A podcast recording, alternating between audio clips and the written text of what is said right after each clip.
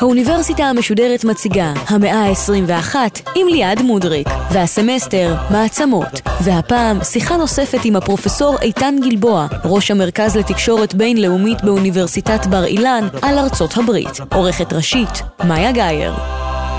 ערב טוב לכם, אתם על האוניברסיטה המשודרת, סדרת המאה ה-21. בשבוע שעבר התחלנו לספר את הסיפור האמריקני, התהוותה של מעצמת על, שאחרי שנים של מאבק מול המעצמה הרוסית, נותרה בודדה בראש הפירמידה. היום נעסוק בארצות הברית של המאה ה-21, האם היא עדיין המעצמה החזקה שהייתה?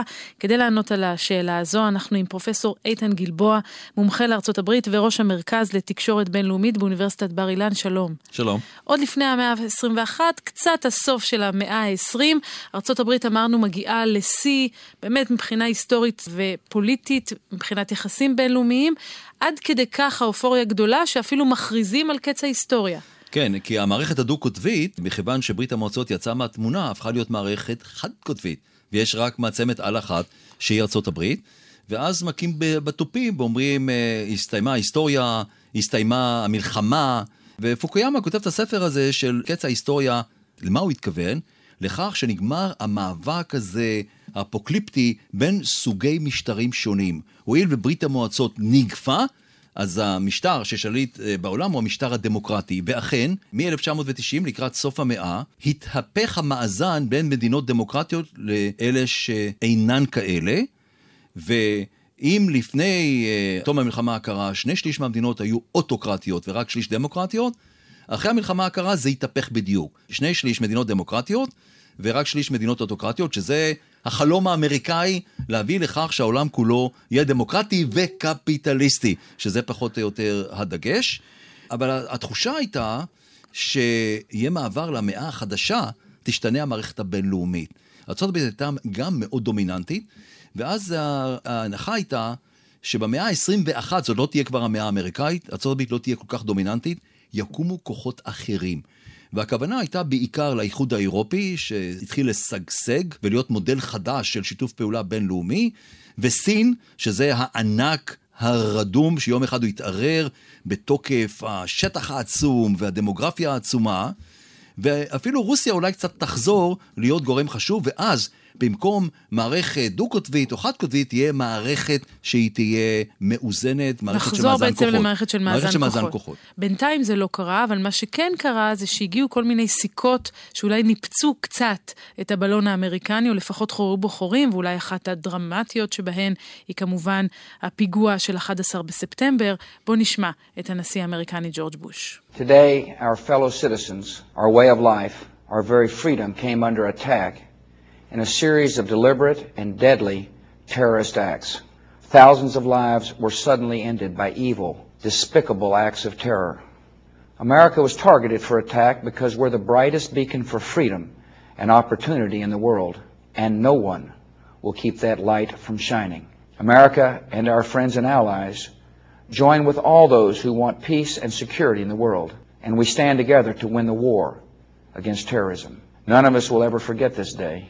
Yet we go forward to defend freedom and all that is good and just in our world.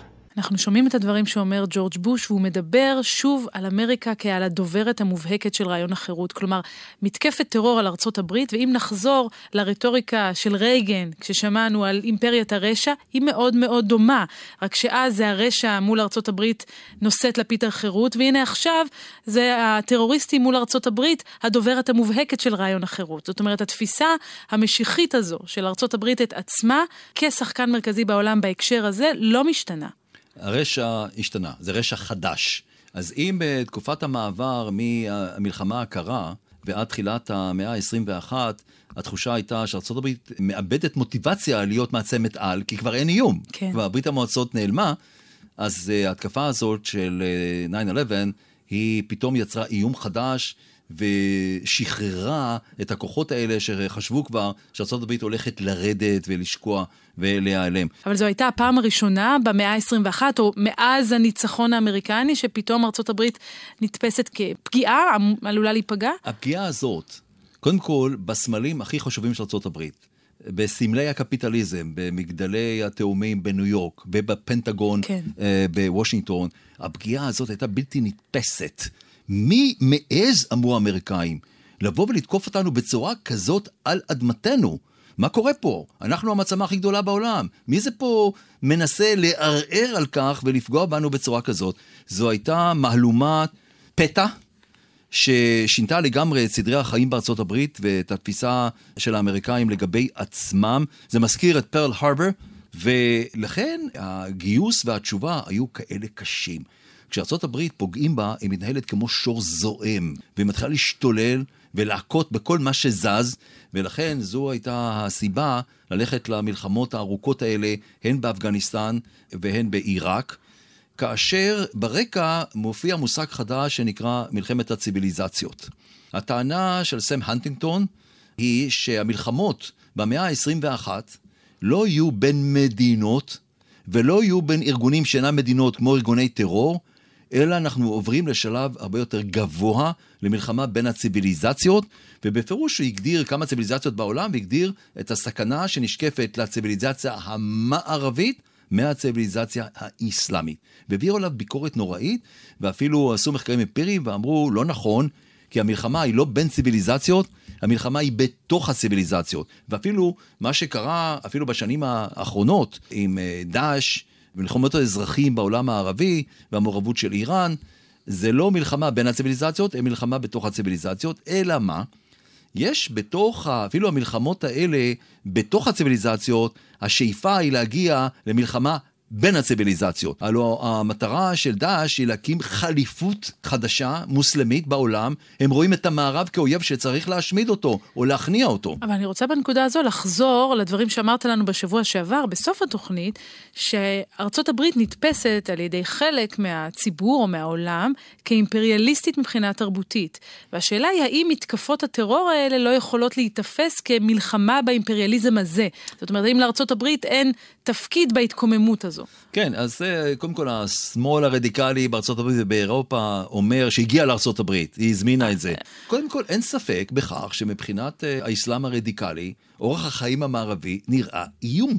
ואנחנו חוזרים למשוואה הזאת שהייתה אה, בזמן המלחמה הקרה, כאשר הרוסים אמרו או אנחנו או הם, והאסלאם הקיצוני אומר או אנחנו או הם, ולכן צריך להשמיד את ההם. לכן, באמת יש כאן איזשהו מרכיב שבו אפשר להגיד שיש כאן איזשהו סיבה ומסובב. זאת אומרת, האסלאמיסטים תפסו את ארה"ב כמי שאיים על אורח חייהם ועל ערכיהם, ולכן הם צריכים לפגוע בצד השני. אבל ברור לגמרי שהפעלת אמצעים מהסוג הזה, שהטרור מהסוג הזה, זה לא אמצעי מקובל. נלך חזרה לעוצמות רכות. בוא תשכנע, אם אתה חושב שהאללה זה צריך להיות אה, האלוהים של כל העולם, והמשטר האסלאמי של הימי הביניים צריך להיות המשטר הנכון, כן. אז הדרך לעשות את זה לא באמצעות כוח וטרור, אלא באמצעות שכנוע ועוצמה רכה. ולכן האמצעי הזה פסול, גם אם יש כאלה שאומרים שארצות הברית עשתה פרובוקציות בעולם בתקופות שונות. אבל מבחינה היסטורית זה גורר את ארצות הברית עכשיו למלחמות שהיא לא רצתה להיות מעורבת בהן, אולי לא חשבה שהיא תהיה מעורבת בהן. כן, אלה שתי המלחמות באפגניסטן ובעיראק. לגבי המלחמה באפגניסטן, אז בהחלט אפשר להגיד שהייתה לזה הצדקה. מדוע? משום שהטליבן אה, השתלט על אפגניסטן, ומשם הוא פעל וביצע את ההתקפה הזאת אה, על בנייני אטומים בניו יורק ובוושינגטון. המלחמה בעיראק זה כבר סיפור אחר לגמרי. התפיסה האידיאולוגית שעמדה מאחורי שתי המלחמות האלה בכל זאת חוזרת לשליחות האמריקאית המקורית. כי מה שניסה לעשות הנשיא בוש זה לכפות דמוקרטיה על משטרים דיקטטוריים. קראו לזה ייבוש הביצה מהיתושים שלה. ההנחה של המתכנני המלחמות האלה הייתה שהטרור הזה של האסלאם הרדיקלי, מאיפה הוא בא? הוא בא מהמצוקה הכלכלית ומהיעדר חופש פוליטי במדינות ערב ובמדינות המוסלמיות. איך נייבש את הביצה? על ידי זה שנכפה בכוח דמוקרטיה. אי אפשר לכפות דמוקרטיה על העולם המוסלמי והעולם המערבי, אולי בכלל לא. אבל זה מה שהם חשבו לעשות, וזה כמובן נחל כישלון. אז בוא נשמע בהקשר הזה דברים שאמר שליט עיראק סדאם חוסיין ב-2003 בשיחה עם הפוליטיקאי הבריטי טוני בן. If we look at the representatives of the two superpowers, America and Britain, America and look at their conduct and their language, we would notice that they are more motivated by war than their responsibility for peace. And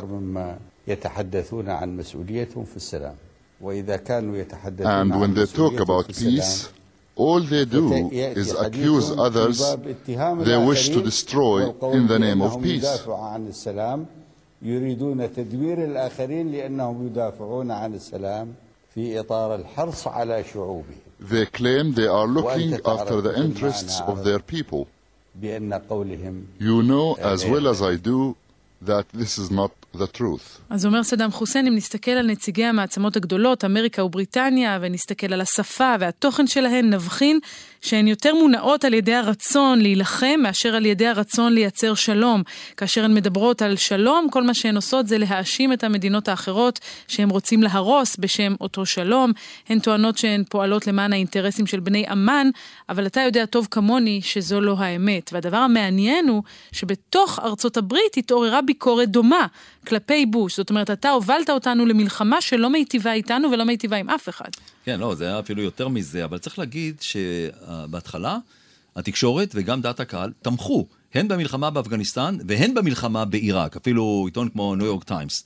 מה שקרה הוא שהתברר שהעילה שממשל בוש הצהיר עליה כדוחפת למלחמה בעיראק הייתה שקרית, מפני שהטענה הייתה שעיראק יש לה נשק להשמדה המונית והיא תומכת בטרור והייתה אפילו מחוברת לאל-קאעידה. ועל כך, כאשר uh, התקשורת ערערה על הטענה הזאת, אז התחילה uh, ירידה בתמיכה. אבל אני חושב שהבעיה הגדולה ביותר בשתי המלחמות האלה לאורך זמן, וגם ראינו את זה בווייטנאם, במקומות אחרים, זה uh, היעדר תוצאות. כן. הציבור תומך במעורבות צבאית של ארה"ב מעבר לים. כל עוד היא מצליחה. שיש לה תוצאות. כן. ופה הסתבר שיש השקעות ענקיות. בסופו של דבר, בשתי המלחמות האלה נהרגו 8,000 חיילים אמריקאים. ההוצאה הייתה שניים וחצי טריליון דולר okay. כן. של משאבים, ובסופו של דבר לא נראה היה ששתי המדינות האלה מתקדמות לדמוקרטיה. זו הייתה המטרה העיקרית של המלחמות האלה. להפך, מה שראינו גם באפגניסטן וגם בעיראק, והרבה יותר בעיראק, שהתגבר שם הטרור. ואלפי אנשים נהרגו. והדבר האחרון שמעניין את העיראקי הממוצע זה דמוקרטיה, כאשר נשקפת סכנה לחייו ובכל רגע הוא יכול להיהרג, ולכן התעצמה ההתנגדות למעורבות האמריקאית הזאת אה, בשני המקומות, כאשר ממשל בוש המשיך לטעון, אנחנו צריכים למנוע חזרה על 9-11 בבית. כן. והדרך למנוע את זה, זה באמצעות הנוכחות והמעורבות הצבאית בשני המקומות האלה, כי היא מקרינה על התנועות שחורשות רעה ורוצות להשתמש בטרור על אדמת הברית. אבל הדחייה של הטענה הזאת בעצם מסמלת את סוף עידן השוטר העולמי, או אובמה הוא זה שמסמל את סוף העידן הזה? כן, אני חושב שאובמה התפטר מהתפקיד הזה של השוטר העולמי. תראי, יש ויכוח לגביו. הוויכוח הוא כזה, אובמה ירש שתי מלחמות כושלות באפגניסטן ובעיראק. הוא גם ירש משבר כלכלי ופיננסי שלא היה כמוהו מאז אה, נפילת הבורסה ב-1929.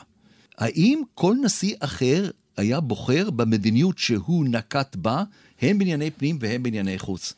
כאשר גם סדרי עדיפויות השתנו, הואיל ויש משבר כלכלי ופיננסי כל כך חמור בארצות הברית, ממילא ההתמקדות היא קודם כל בשיקום הכלכלה האמריקנית, ואין מספיק זמן ורצון להתעסק בבעיות העולמיות. אז זו טענה אחת. הטענה הנגדית אומרת, לא, לאובמה היה חופש בחירה. כי כשמדברים על כך שכל נשיא אחר היה עושה את אותו דבר, מתכוונים לכך שדעת הקהל הטילה אילוצים על הנשיא והכריחה אותו להתמקד בענייני פנים ולהתפטר מהתפקיד של השוטר העולמי. אז אני עשיתי מחקר הזה ומצאתי שהדברים אינם נכונים. זה נכון שהייתה העדפה של הציבור האמריקאי קודם כל להתמקד במשברים הפנימיים. אבל הציבור האמריקאי לא קיבל איזו גרסה חדשה של התבדלות. ואכן היא ביקרה את ההתנהלות הבינלאומית של אובמה. היא הייתה רוצה לראות יותר מעורבות ויותר, אולי סדרי עדיפויות קצת אחרים, עם מעורבות בסדר גודל כזה שממשיכה את מקומה של ארה"ב בעולם כמעצמת על ואת השליחות ההיסטורית שלה. שזה מעניין, כי כשאתה שומע את אובמה עצמו, יש מקרים שבהם הוא מדבר ברוח הזאת, על אף שהמעשים שלו מנוגדים לזה. בוא נשמע למשל נאום שלו מתוך פיקניק יום העצמאות האמריקני, 4 ביולי 2008. The threats we face at the dawn of the 21st century can no longer be contained by borders and boundaries. The horrific attacks on that clear September day awakened us to that new reality. And after 9 11, millions around the world were ready to stand with us. They were willing to rally to our cause because it was their cause too, because they knew that if America led the world toward a new era of global co- cooperation, it would advance the security of people in our nation and all nations. And after all the lives lost and the billions of dollars spent, many Americans may find it tempting to turn inward and cede our claim of leadership in world affairs. I insist, however, that such an abandonment of our leadership is a mistake that we must not make. America cannot meet the threats of this century alone, but the world cannot meet them without America. אז כשאתה מקשיב לאובמה, הוא אומר, אמריקה לא יכולה לפגוש את איומי המאה הזו לבדה, והעולם לא יוכל לפגוש את איומי העולם בלי ארצות הברית. והוא אומר, יש אמריקנים שרוצים לפנות פנימה ולהתכנס בעצמנו, להפסיק להתעניין בענייני העולם, אבל אני לא מסכים לזה. זה מה שהוא אומר, זה גם מה שהוא עושה? בחלקו. קודם כל, הוא עובר מעוצמה קשה של בוש לעוצמה רכה. אבל הוא גם רוצה להעצים את הדמוקרטיה, בעיקר במזרח התיכון, והוא מוצא איזושהי קרן אור. קוראים לזה דמו-אסלאם. זה השילוב הזה של דמוקרטיה ואסלאם. איפה הוא מוצא את זה? בטורקיה. ארדואן הוא המודל שלו. והביקור הראשון שלו בחוץ לארץ כנשיא הוא באנקרה. ולכן הוא משבח באמת את המודל הזה. השילוב של עוצמה רכה שבא לידי ביטוי ברצון להתפייס עם העולם הערבי, בשיתוף פעולה שהוא הזכיר אותו עם ארגונים בינלאומיים. נאום קהיר המפורסם. נכון, נאום קהיר המפורסם זה בדיוק זה. כל הדברים האלה ציינו מעבר מאוד חד מבוש עם עוצמה רכה ומיחס די ביקורתי כלפי ארגונים בינלאומיים. מה שעשה אובמה זה קודם כל לעבוד מחדש עם האו"ם. הוא הכניס את ארה"ב בחזרה למועצה לזכויות האדם של האו"ם, שזו מועצה נוראית ולא עשה שום דבר, אבל זה מה שהוא עשה. הוא תלה הרבה תקוות והרבה אמונה בעוצמה הרכה. מסתבר שזה לא תמיד עובד, וגם, אני חושב שמושג מסוים שהוא השתמש בו באיזשהו שלב, זה היה כאשר אה, ארה"ב התערבה יחד עם נאט"ו במלחמת האזרחים בלוב 2011, פתאום אחד האשפים של מילים בבית הלבן, קוראים לו בן רודס, שהוא גם סופר, הוא המציא את המושג שנקרא מנהיגות מאחור. זאת אומרת, אנחנו נהיה מאחור. הבעיה עם המושג הזה שהוא לא קיים, זה אוקסימורן. או שאתה מנהיג, או שאתה מאחור. אתה לא יכול להנהיג מאחור. ואני חושב שזה מציין במידה לא מעטה את הדילמות שאובמה נתקל בהן. העולם פשוט סירב להתנהל לפי השקפת עולמו וערכיו. אה, ולכן, באופן כללי והיסטורי, נראה לי שבאמת בתקופת אובמה יש נסיגה מהתפקיד שארצות הברית לקחה על עצמה. הרעיון הזה של דמו-אסלאם נכשל כליל. בתחילה, האביב הערבי, שזה מושג בכלל שבא למזרח התיכון מאירופה ומארצות הברית, הוא לא בא מהעולם הערבי כן. עצמו, אבל הייתה תחושה שהאביב הערבי באמת הולך להביא לדמוקרטיזציה של המזרח התיכון, ואובמה ואנשיו כל כך שמחו סוף סוף החלום הזה שלהם מתגשם, ואני זוכר, תומאס פרידמן, פרשן מאוד ידוע של הניו יורק טיימס, כן. רקד בכיכר תחריר ואמר, הנה, סוף סוף הגיעה הדמוקרטיה גם למקום המקולל הזה, וכמובן שזה לא קרה. ואז הסתברו שני דברים נוספים, שהמעבר מאוטוקרטיה הוא לא בהכרח לדמוקרטיה. המעבר מאוטוקרטיה יכול להיות לאוטוקרטיה אחרת, וזה כן. מה שקרה במצרים. ועוד הסתבר דבר מעניין. היו הרבה מאוד גורמים בעולם שביקרו את ההגמוניה האמריקאית. ההגמוניה הפוליטית, והמדינית, והדיפלומטית, והכלכלית, והטכנולוגית, והם אמרו, ארה"ב צריכה להתחלק בשלטון בעולם. ואז הסתבר שהנה אובמה לקח את ארה"ב קצת אחורה, השיג אותה, והעולם הפך להיות יותר אנרכי ופחות מסודר. זאת אומרת, האלטרנטיבה להגמוניה האמריקאית היא אנרכיה יותר גדולה בסדר העולמי. אבל מעבר לנסיגה מרצון הזו, בתפקיד העולמי כשוטר, האם אתה מסכים עם הטענה שאובמה החליש את ארצות הברית כמעצמה? ארצות הברית נחלשה בגלל נתונים אובייקטיביים, וגם בחלקו בשל המדיניות שלו. היא נחלשה קודם כל אה, בגלל המשבר הכלכלי והפיננסי, שהיה קשה מאוד לשקם את הברית ממנו. נוצר קיטוף פוליטי בתקופת אובמה, שלא היה כמוהו, נגיד, מהמלחמה בווייטנאם, ויש כאלה אפילו שאומרים במלחמת האזרחים בארצות הברית. ועכשיו הוא נדמה בקיצוניות מוחלטת. כן. התרבות הפוליטית האמריקאית היא תרבות של פשרה בין אה, גופים גדולים. יכולים לריב ויכולים להתווכח, אבל בסופו של דבר מגיעים לפשרה. הואיל והחוקה האמריקאית והמשטר האמריקאי מבוססים על משטר של איזונים וריסונים, אי אפשר אחרת. בתקופה הראשונה של אובמה הוא נהנה משליטה של הדמוקרטים, הוא דמוקרט, בשני בתי הקונגרס, גם כן. בסנאט וגם בבית הנבחרים, אחר כך הוא איבד את הסנאט, ואחרי זה הוא איבד גם את, אה, אה, את בית הנבחרים, והתוצאה הייתה שבשנתיים האחרונות שלטו הרפובליקנים בשני בתי הקונגרס. הממשל בוושינגטון הגיע למצב של שיתוק מוחלט, והחוקה האמריקאית היא כל כך יפה, המשטר האמריקאי כל כך יפה, התברר שהמצב מאוד בעייתי. אויבי אובמה, שחלקם לא יכלו לסבול את העובדה שאפרו-אמריקאי פתאום נהיה נשיא ארצות הברית, הם טענו שהוא לקח את ארצות הברית שמאלה מדי, לכיוון סוציאליסטי. הוא לקח את ארה"ב יותר מדי אחורה מתפקידה ומשליחותה ההיסטוריים בעולם. על רקע זה קמה תנועת מסיבת התה, שחוזרת החזרה להקמת כן. ארה"ב, אבל היא מאוד קיצונית בעמדות שלה, ונוצר פה מצב של חילוקי דעות אידיאולוגיים שלא היו כמוהם בהיסטוריה האמריקאית, וזה מאוד החליש את יכולת הממשל ואת ארצות הברית בכלל. הדבר השלישי זה השינוי הדמוגרפי החשוב שקרה בארצות הברית. בגידול העצום בהגירה ההיספנית. כן.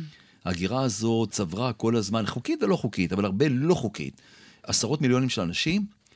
ב-2017 יש משהו בסדר גודל של 50 מיליון היספנים מתוך 320 מיליון אמריקאים. יש הרבה מאוד אמריקאים שלא יודעים אנגלית. נכון, זה מיעוט ענקי, והוא משנה את פניה של ארה"ב. קליפורניה, שהמדינה הכי גדולה בארצות הברית, הרוב בה היום הוא אינו האמריקאי הלבן המקורי של הברית, זה ההיספנים וזה האסייתים ואלה הם אחרים. למה זה חשוב? מפני שמה שמעניין את ההיספנים וגם את האסייתים, זה לא בדיוק השליחות הזאת העולמית. מה שמעניין את ההיספנים זה מה קורה בין ארה"ב למקסיקו, מה קורה בין ארה"ב למדינות במרכז אמריקה. זה יכול לשנות את תפיסת האינטרסים, חובקי עולם של ארה"ב, ולהחזיר אותה במידה מסוימת ממעמד של מעצמת על, אולי בקושי למעצמה אזורית. ולתוך כל הבלגן הזה, אנחנו זורקים את דונלד טראמפ. כן, טוב, זה, זו תופעה. אה, תראי, קודם כל, אין דרך אחרת להסביר את אה, ניצחונו של טראמפ בבחירות האלה כאיזושהי הצבעת מחאה מאוד קיצונית של הציבור האמריקאי במנהיגות של אובמה, וגם בזו של הקונגרס. וגלופ, שזה אה, מכון סקרים, כל שנה שואל, מה מידת האמון שיש לך במוסדות שלטון אמריקאים? מאוד מעניין. במקום הראשון? הצבא האמריקאי. במקום האחרון? הקונגרס. מי קצת לפניו? הנשיאות. ואז, בגלל שיש משבר כזה גדול של אמון, וגם תחושה שהגלובליזציה גלובליזציה פירושו של דבר זה ייצוא הקפיטליזם לעולם. התפיסה של הגלובליזציה היא ווין ווין. כולם ירוויחו מזה. ובאמת הגלובליזציה גרמה לשגשוג מאוד גדול, אבל היא גם פגעה בשכבות די גדולות, גם באירופה וגם בארצות הברית, שכבות של, של התעשייה. התעשייה האמריקאית כמעט נעלמה ועברה לסין ובמקומות אחרים. נוצאו גירעונות מסחרים אדירים. כן. לטובת סין, גם לטובת גרמניה, מדובר במיליארדי דולרים. אז האיש הפשוט בארצות הברית אמר, רגע אחד, משהו לא בסדר פה. וזה פוגע בנו, פוגע ברמת החיים שלנו, פוגע לפעמים גם ביכולת שלנו לעבוד, וצריך לעשות שינוי גדול. להביע אי אמון במשטר בוושינגטון, צריך לבחור נשיא שהוא לא פוליטיקאי, שהוא אנטי פוליטיקאי, שהוא איש עסקים, מילא, אולי הוא יוכל לבנות אה, לארה"ב איזשהו עתיד יותר טוב, קודם כל מהבחינה המסחרית והכלכלית. ובהקשר הזה אולי נשמע דברים שהוא אמר בנאום ההכתרה שלו, והסיסמה שהוא ניסה לתבוע שם, אמריקה בראש, או אמריקה פרסט. בואו נשמע.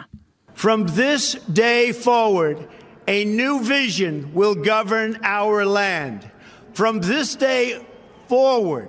It's going to be only America first. America first. Every decision on trade, on taxes, on immigration, on foreign affairs will be made to benefit American workers and American families. We must protect our borders from the ravages of other countries making our products, stealing our companies, and destroying our jobs. אז אומר דונלד טראמפ, אמריקה בראש, אנחנו נחשוב רק על האינטרסים של האנשים האמריקאים, וזה מעניין, כי אם אובמה יתפטר מתפקיד השוטר העולמי, טראמפ אומר, העולם לא מעניין אותי בכלל. כן, משהו כזה, הוא מעניין אותי רק בהקשר הזה. שזה של... ייטיב עם אזרחי ארצות. נכון, כל מה שאני אעשה ביחסים בינלאומיים, הוא אומר, זה באמת אה, יהיה קשור אך ורק למצב הכלכלי בארצות הברית. אז רק נדגיש שזה באמת אה, עוד לוקח צעד אחורה מאובמה. כי אם אובמה אומר, אני רוצה להתערב, אבל לא דרך העוצמה הקשה, כפי שאמרת, טראמפ אומר, אני לא רוצה להתערב, אלא אם זה מועיל לי. הבעיה היא שאין לו ברירה. כי הוא יכול להגיד את זה עד מחר. אנחנו נמצאים בעידן של גלובליזציה ובעידן של מידע, שהאופציה הזאת של התבדלות לא קיימת. המחזוריות הזאת לא יכולה יותר להתקדם בגלל המערכת הבינלאומית, הכלכלית, הפוליטית, החברתית שישנה בעולם. ולכן אין אופציה יותר של התבדלות. כשהוא אומר אמריקה פרס, זאת אומרת האינטרסים שלנו קודמים לכל, זה לא חדש. כן. ואם הוא רוצה שהדבר יבוא לידי ביטוי ביחסים בינלאומיים, אז זה גם לא חדש. עכשיו, אנחנו רואים אותו כן מתערב בעולם. יש לו שאיפות מאוד גדולות. לא ברור בדיוק לאן הוא רוצה לקחת את ארה"ב, אבל זה ברור שהוא יהיה מעורב. עכשיו, כשהוא נבחר, החליטו כל מיני גורמים בעולם לבחון אותו, ואנחנו יודעים שזה קורה הרבה מאוד. קוריאה הצפונית החליטה לבחון אותו, עושה ניסויים בטילים, ומאיימת שהיא תפתח נשק גרעיני שאפשר להרכיב על טילים. סוריה פתאום, אה, בשאר אל-אסד משתמש בנשק אה, כימי כנגד תושבים שלו, ואז אומר, רגע אחד פה, אתם רוצים לבחון אותי? בבקשה. והוא מגיב בחריפות על כל מבחן כזה. האיראנים ניסו גם כן לעשות ניסויים בטילים, אז הוא הטיל עליהם סנקציות חדשות, והוא מקים עכשיו קואליציה כדי להתמודד איתם. אבל הוא אמר כל כך הרבה דברים סותרים בתקופה כל כך קצרה, שבאמת קשה עדיין לדעת. בביקור הראשון בחוץ לארץ הוא הגיע לאירופה. הוא אמר שנאט"ו זה פסה. אין שליחות יותר לנאט"ו, כן. ושהגיע הזמן שמדינות אירופה יתרמו יותר להגנתן. עכשיו הוא היה באירופה, אז כבר העניין הזה של נאט"ו אין שליחות כבר ירד מהפרק. עכשיו נשאר העניין הזה של התרומות להגנתן. בקיצור, קשה להיות מומחה הברית בעידן טראמפ. בהחלט. הוא אמר שהוא רוצה יחסים טובים מאוד עם פוטין. וסין האויבת הגדולה שלו. אה, פתאום משתנים הדברים. הוא מסתכסך עם, עם, עם פוטין על רקע סוריה, והוא צריך פתאום את סין כדי להתמודד עם קוריאה הצפונית. אז הוא עדיין נמצא בתהליך של גיבוש. של מדיניות, עדיין לא ברור איזה חזון יהיה לו, אבל אני חושב שהכיוון שלו הוא כן מסתדר עם זה של אובמה, לצמצם את המעורבות של ארה"ב בעולם. ואז אנחנו חוזרים לשאלה המעניינת פה, האם ארה"ב שוקעת, אה, או נעלמת, או קורסת. כאן אני רוצה להזכיר תיאוריה אחרת שנקראת ענייתן ונפילתן של מעצמות גדולות. כתב אותו היסטוריון בשם פול קנדי מאוניברסיטת יעל. הוא מראה שמעצמות גדולות הן אה, כל כך אה, מתרחבות, עד שאין להם מספיק משאבים לתמוך בהתרחבות שלהם, ואז הן קורסות. זה מאוד מעניין מבחינה היסטורית. כן. אלא מה? ארה"ב נהיית חריג. ולמה היא נהיית חריג? מהי העוצמה הכי חשובה בעידן המידע? זה המידע. ומי מחזיק בנכסים הכי חשובים בעידן המידע? ארה"ב. מי המציא את גוגל ופייסבוק ואת מיקרוסופט? הכל בארצות הברית. זאת אומרת, ארצות הברית, בגלל שארצות הברית שולטת בעידן המידע, אז היא תמשיך להיות מעצמת על. ואפילו אם ניקח את ההגדרות האלה של טראמפ, של המדיניות החוץ והביטחון שלו תיבחן אך ורק על פי מה שעוזר הברית או לא, אז גם זה מחייב מעורבות ברמה די משמעותית במה שקורה בעולם, ולכן בניגוד למה שהוא אמר ובניגוד אולי למה שהוא רוצה, הוא לא יכול לברוח מהעולם. אם אתה מנסה לברוח מהעולם, העולם יברח אחריך. ועדיין יש את האיומים האלה הגדולים של טרור ושל תפוצה גרעינית, כן. ושל התחממות כדור הארץ, שהוא קצת אה, מזלזל בה. ואני חושב שההתבטאויות ששמענו בגרמניה, אחרי הביקור שלו הראשון בחוץ לארץ, מצידה של אנגלה מרקל, אמרה, אי אפשר לסמוך יותר על ארה"ב. אני חושב שאלה הם דברים קצת נמהרים, ואפילו אם טראמפ הוא איזושהי אפיזודה חולפת בהיסטוריה האמריקאית, אני חושב שמבחינה אובייקטיבית, היכולות של ארה"ב בכל התחומים הן כל כך גדולות, והמדינות האחרות הן בפערים כל כך גדולים מהן, ואירופה והאיחוד האירופי משבר כזה גדול, וסין עוד מאוד רחוקה ממצב מעצמתי, ואין אף אחד שייטול מארצות הברית את היכולת לעשות סדר בעולם. ולכן, זו שליחותה וזה גורלה. פרופסור איתן גלבוע, תודה רבה לך תודה על רבה. שתי ההרצאות המאלפות האלה. תודה רבה.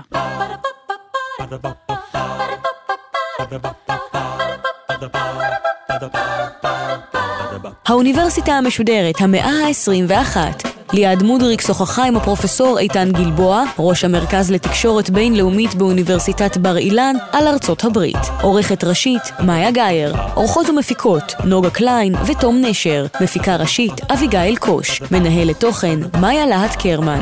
האוניברסיטה המשודרת בכל זמן שתרצו באתר וביישומון של גל"צ, וגם בדף הפייסבוק של האוניברסיטה המשודרת.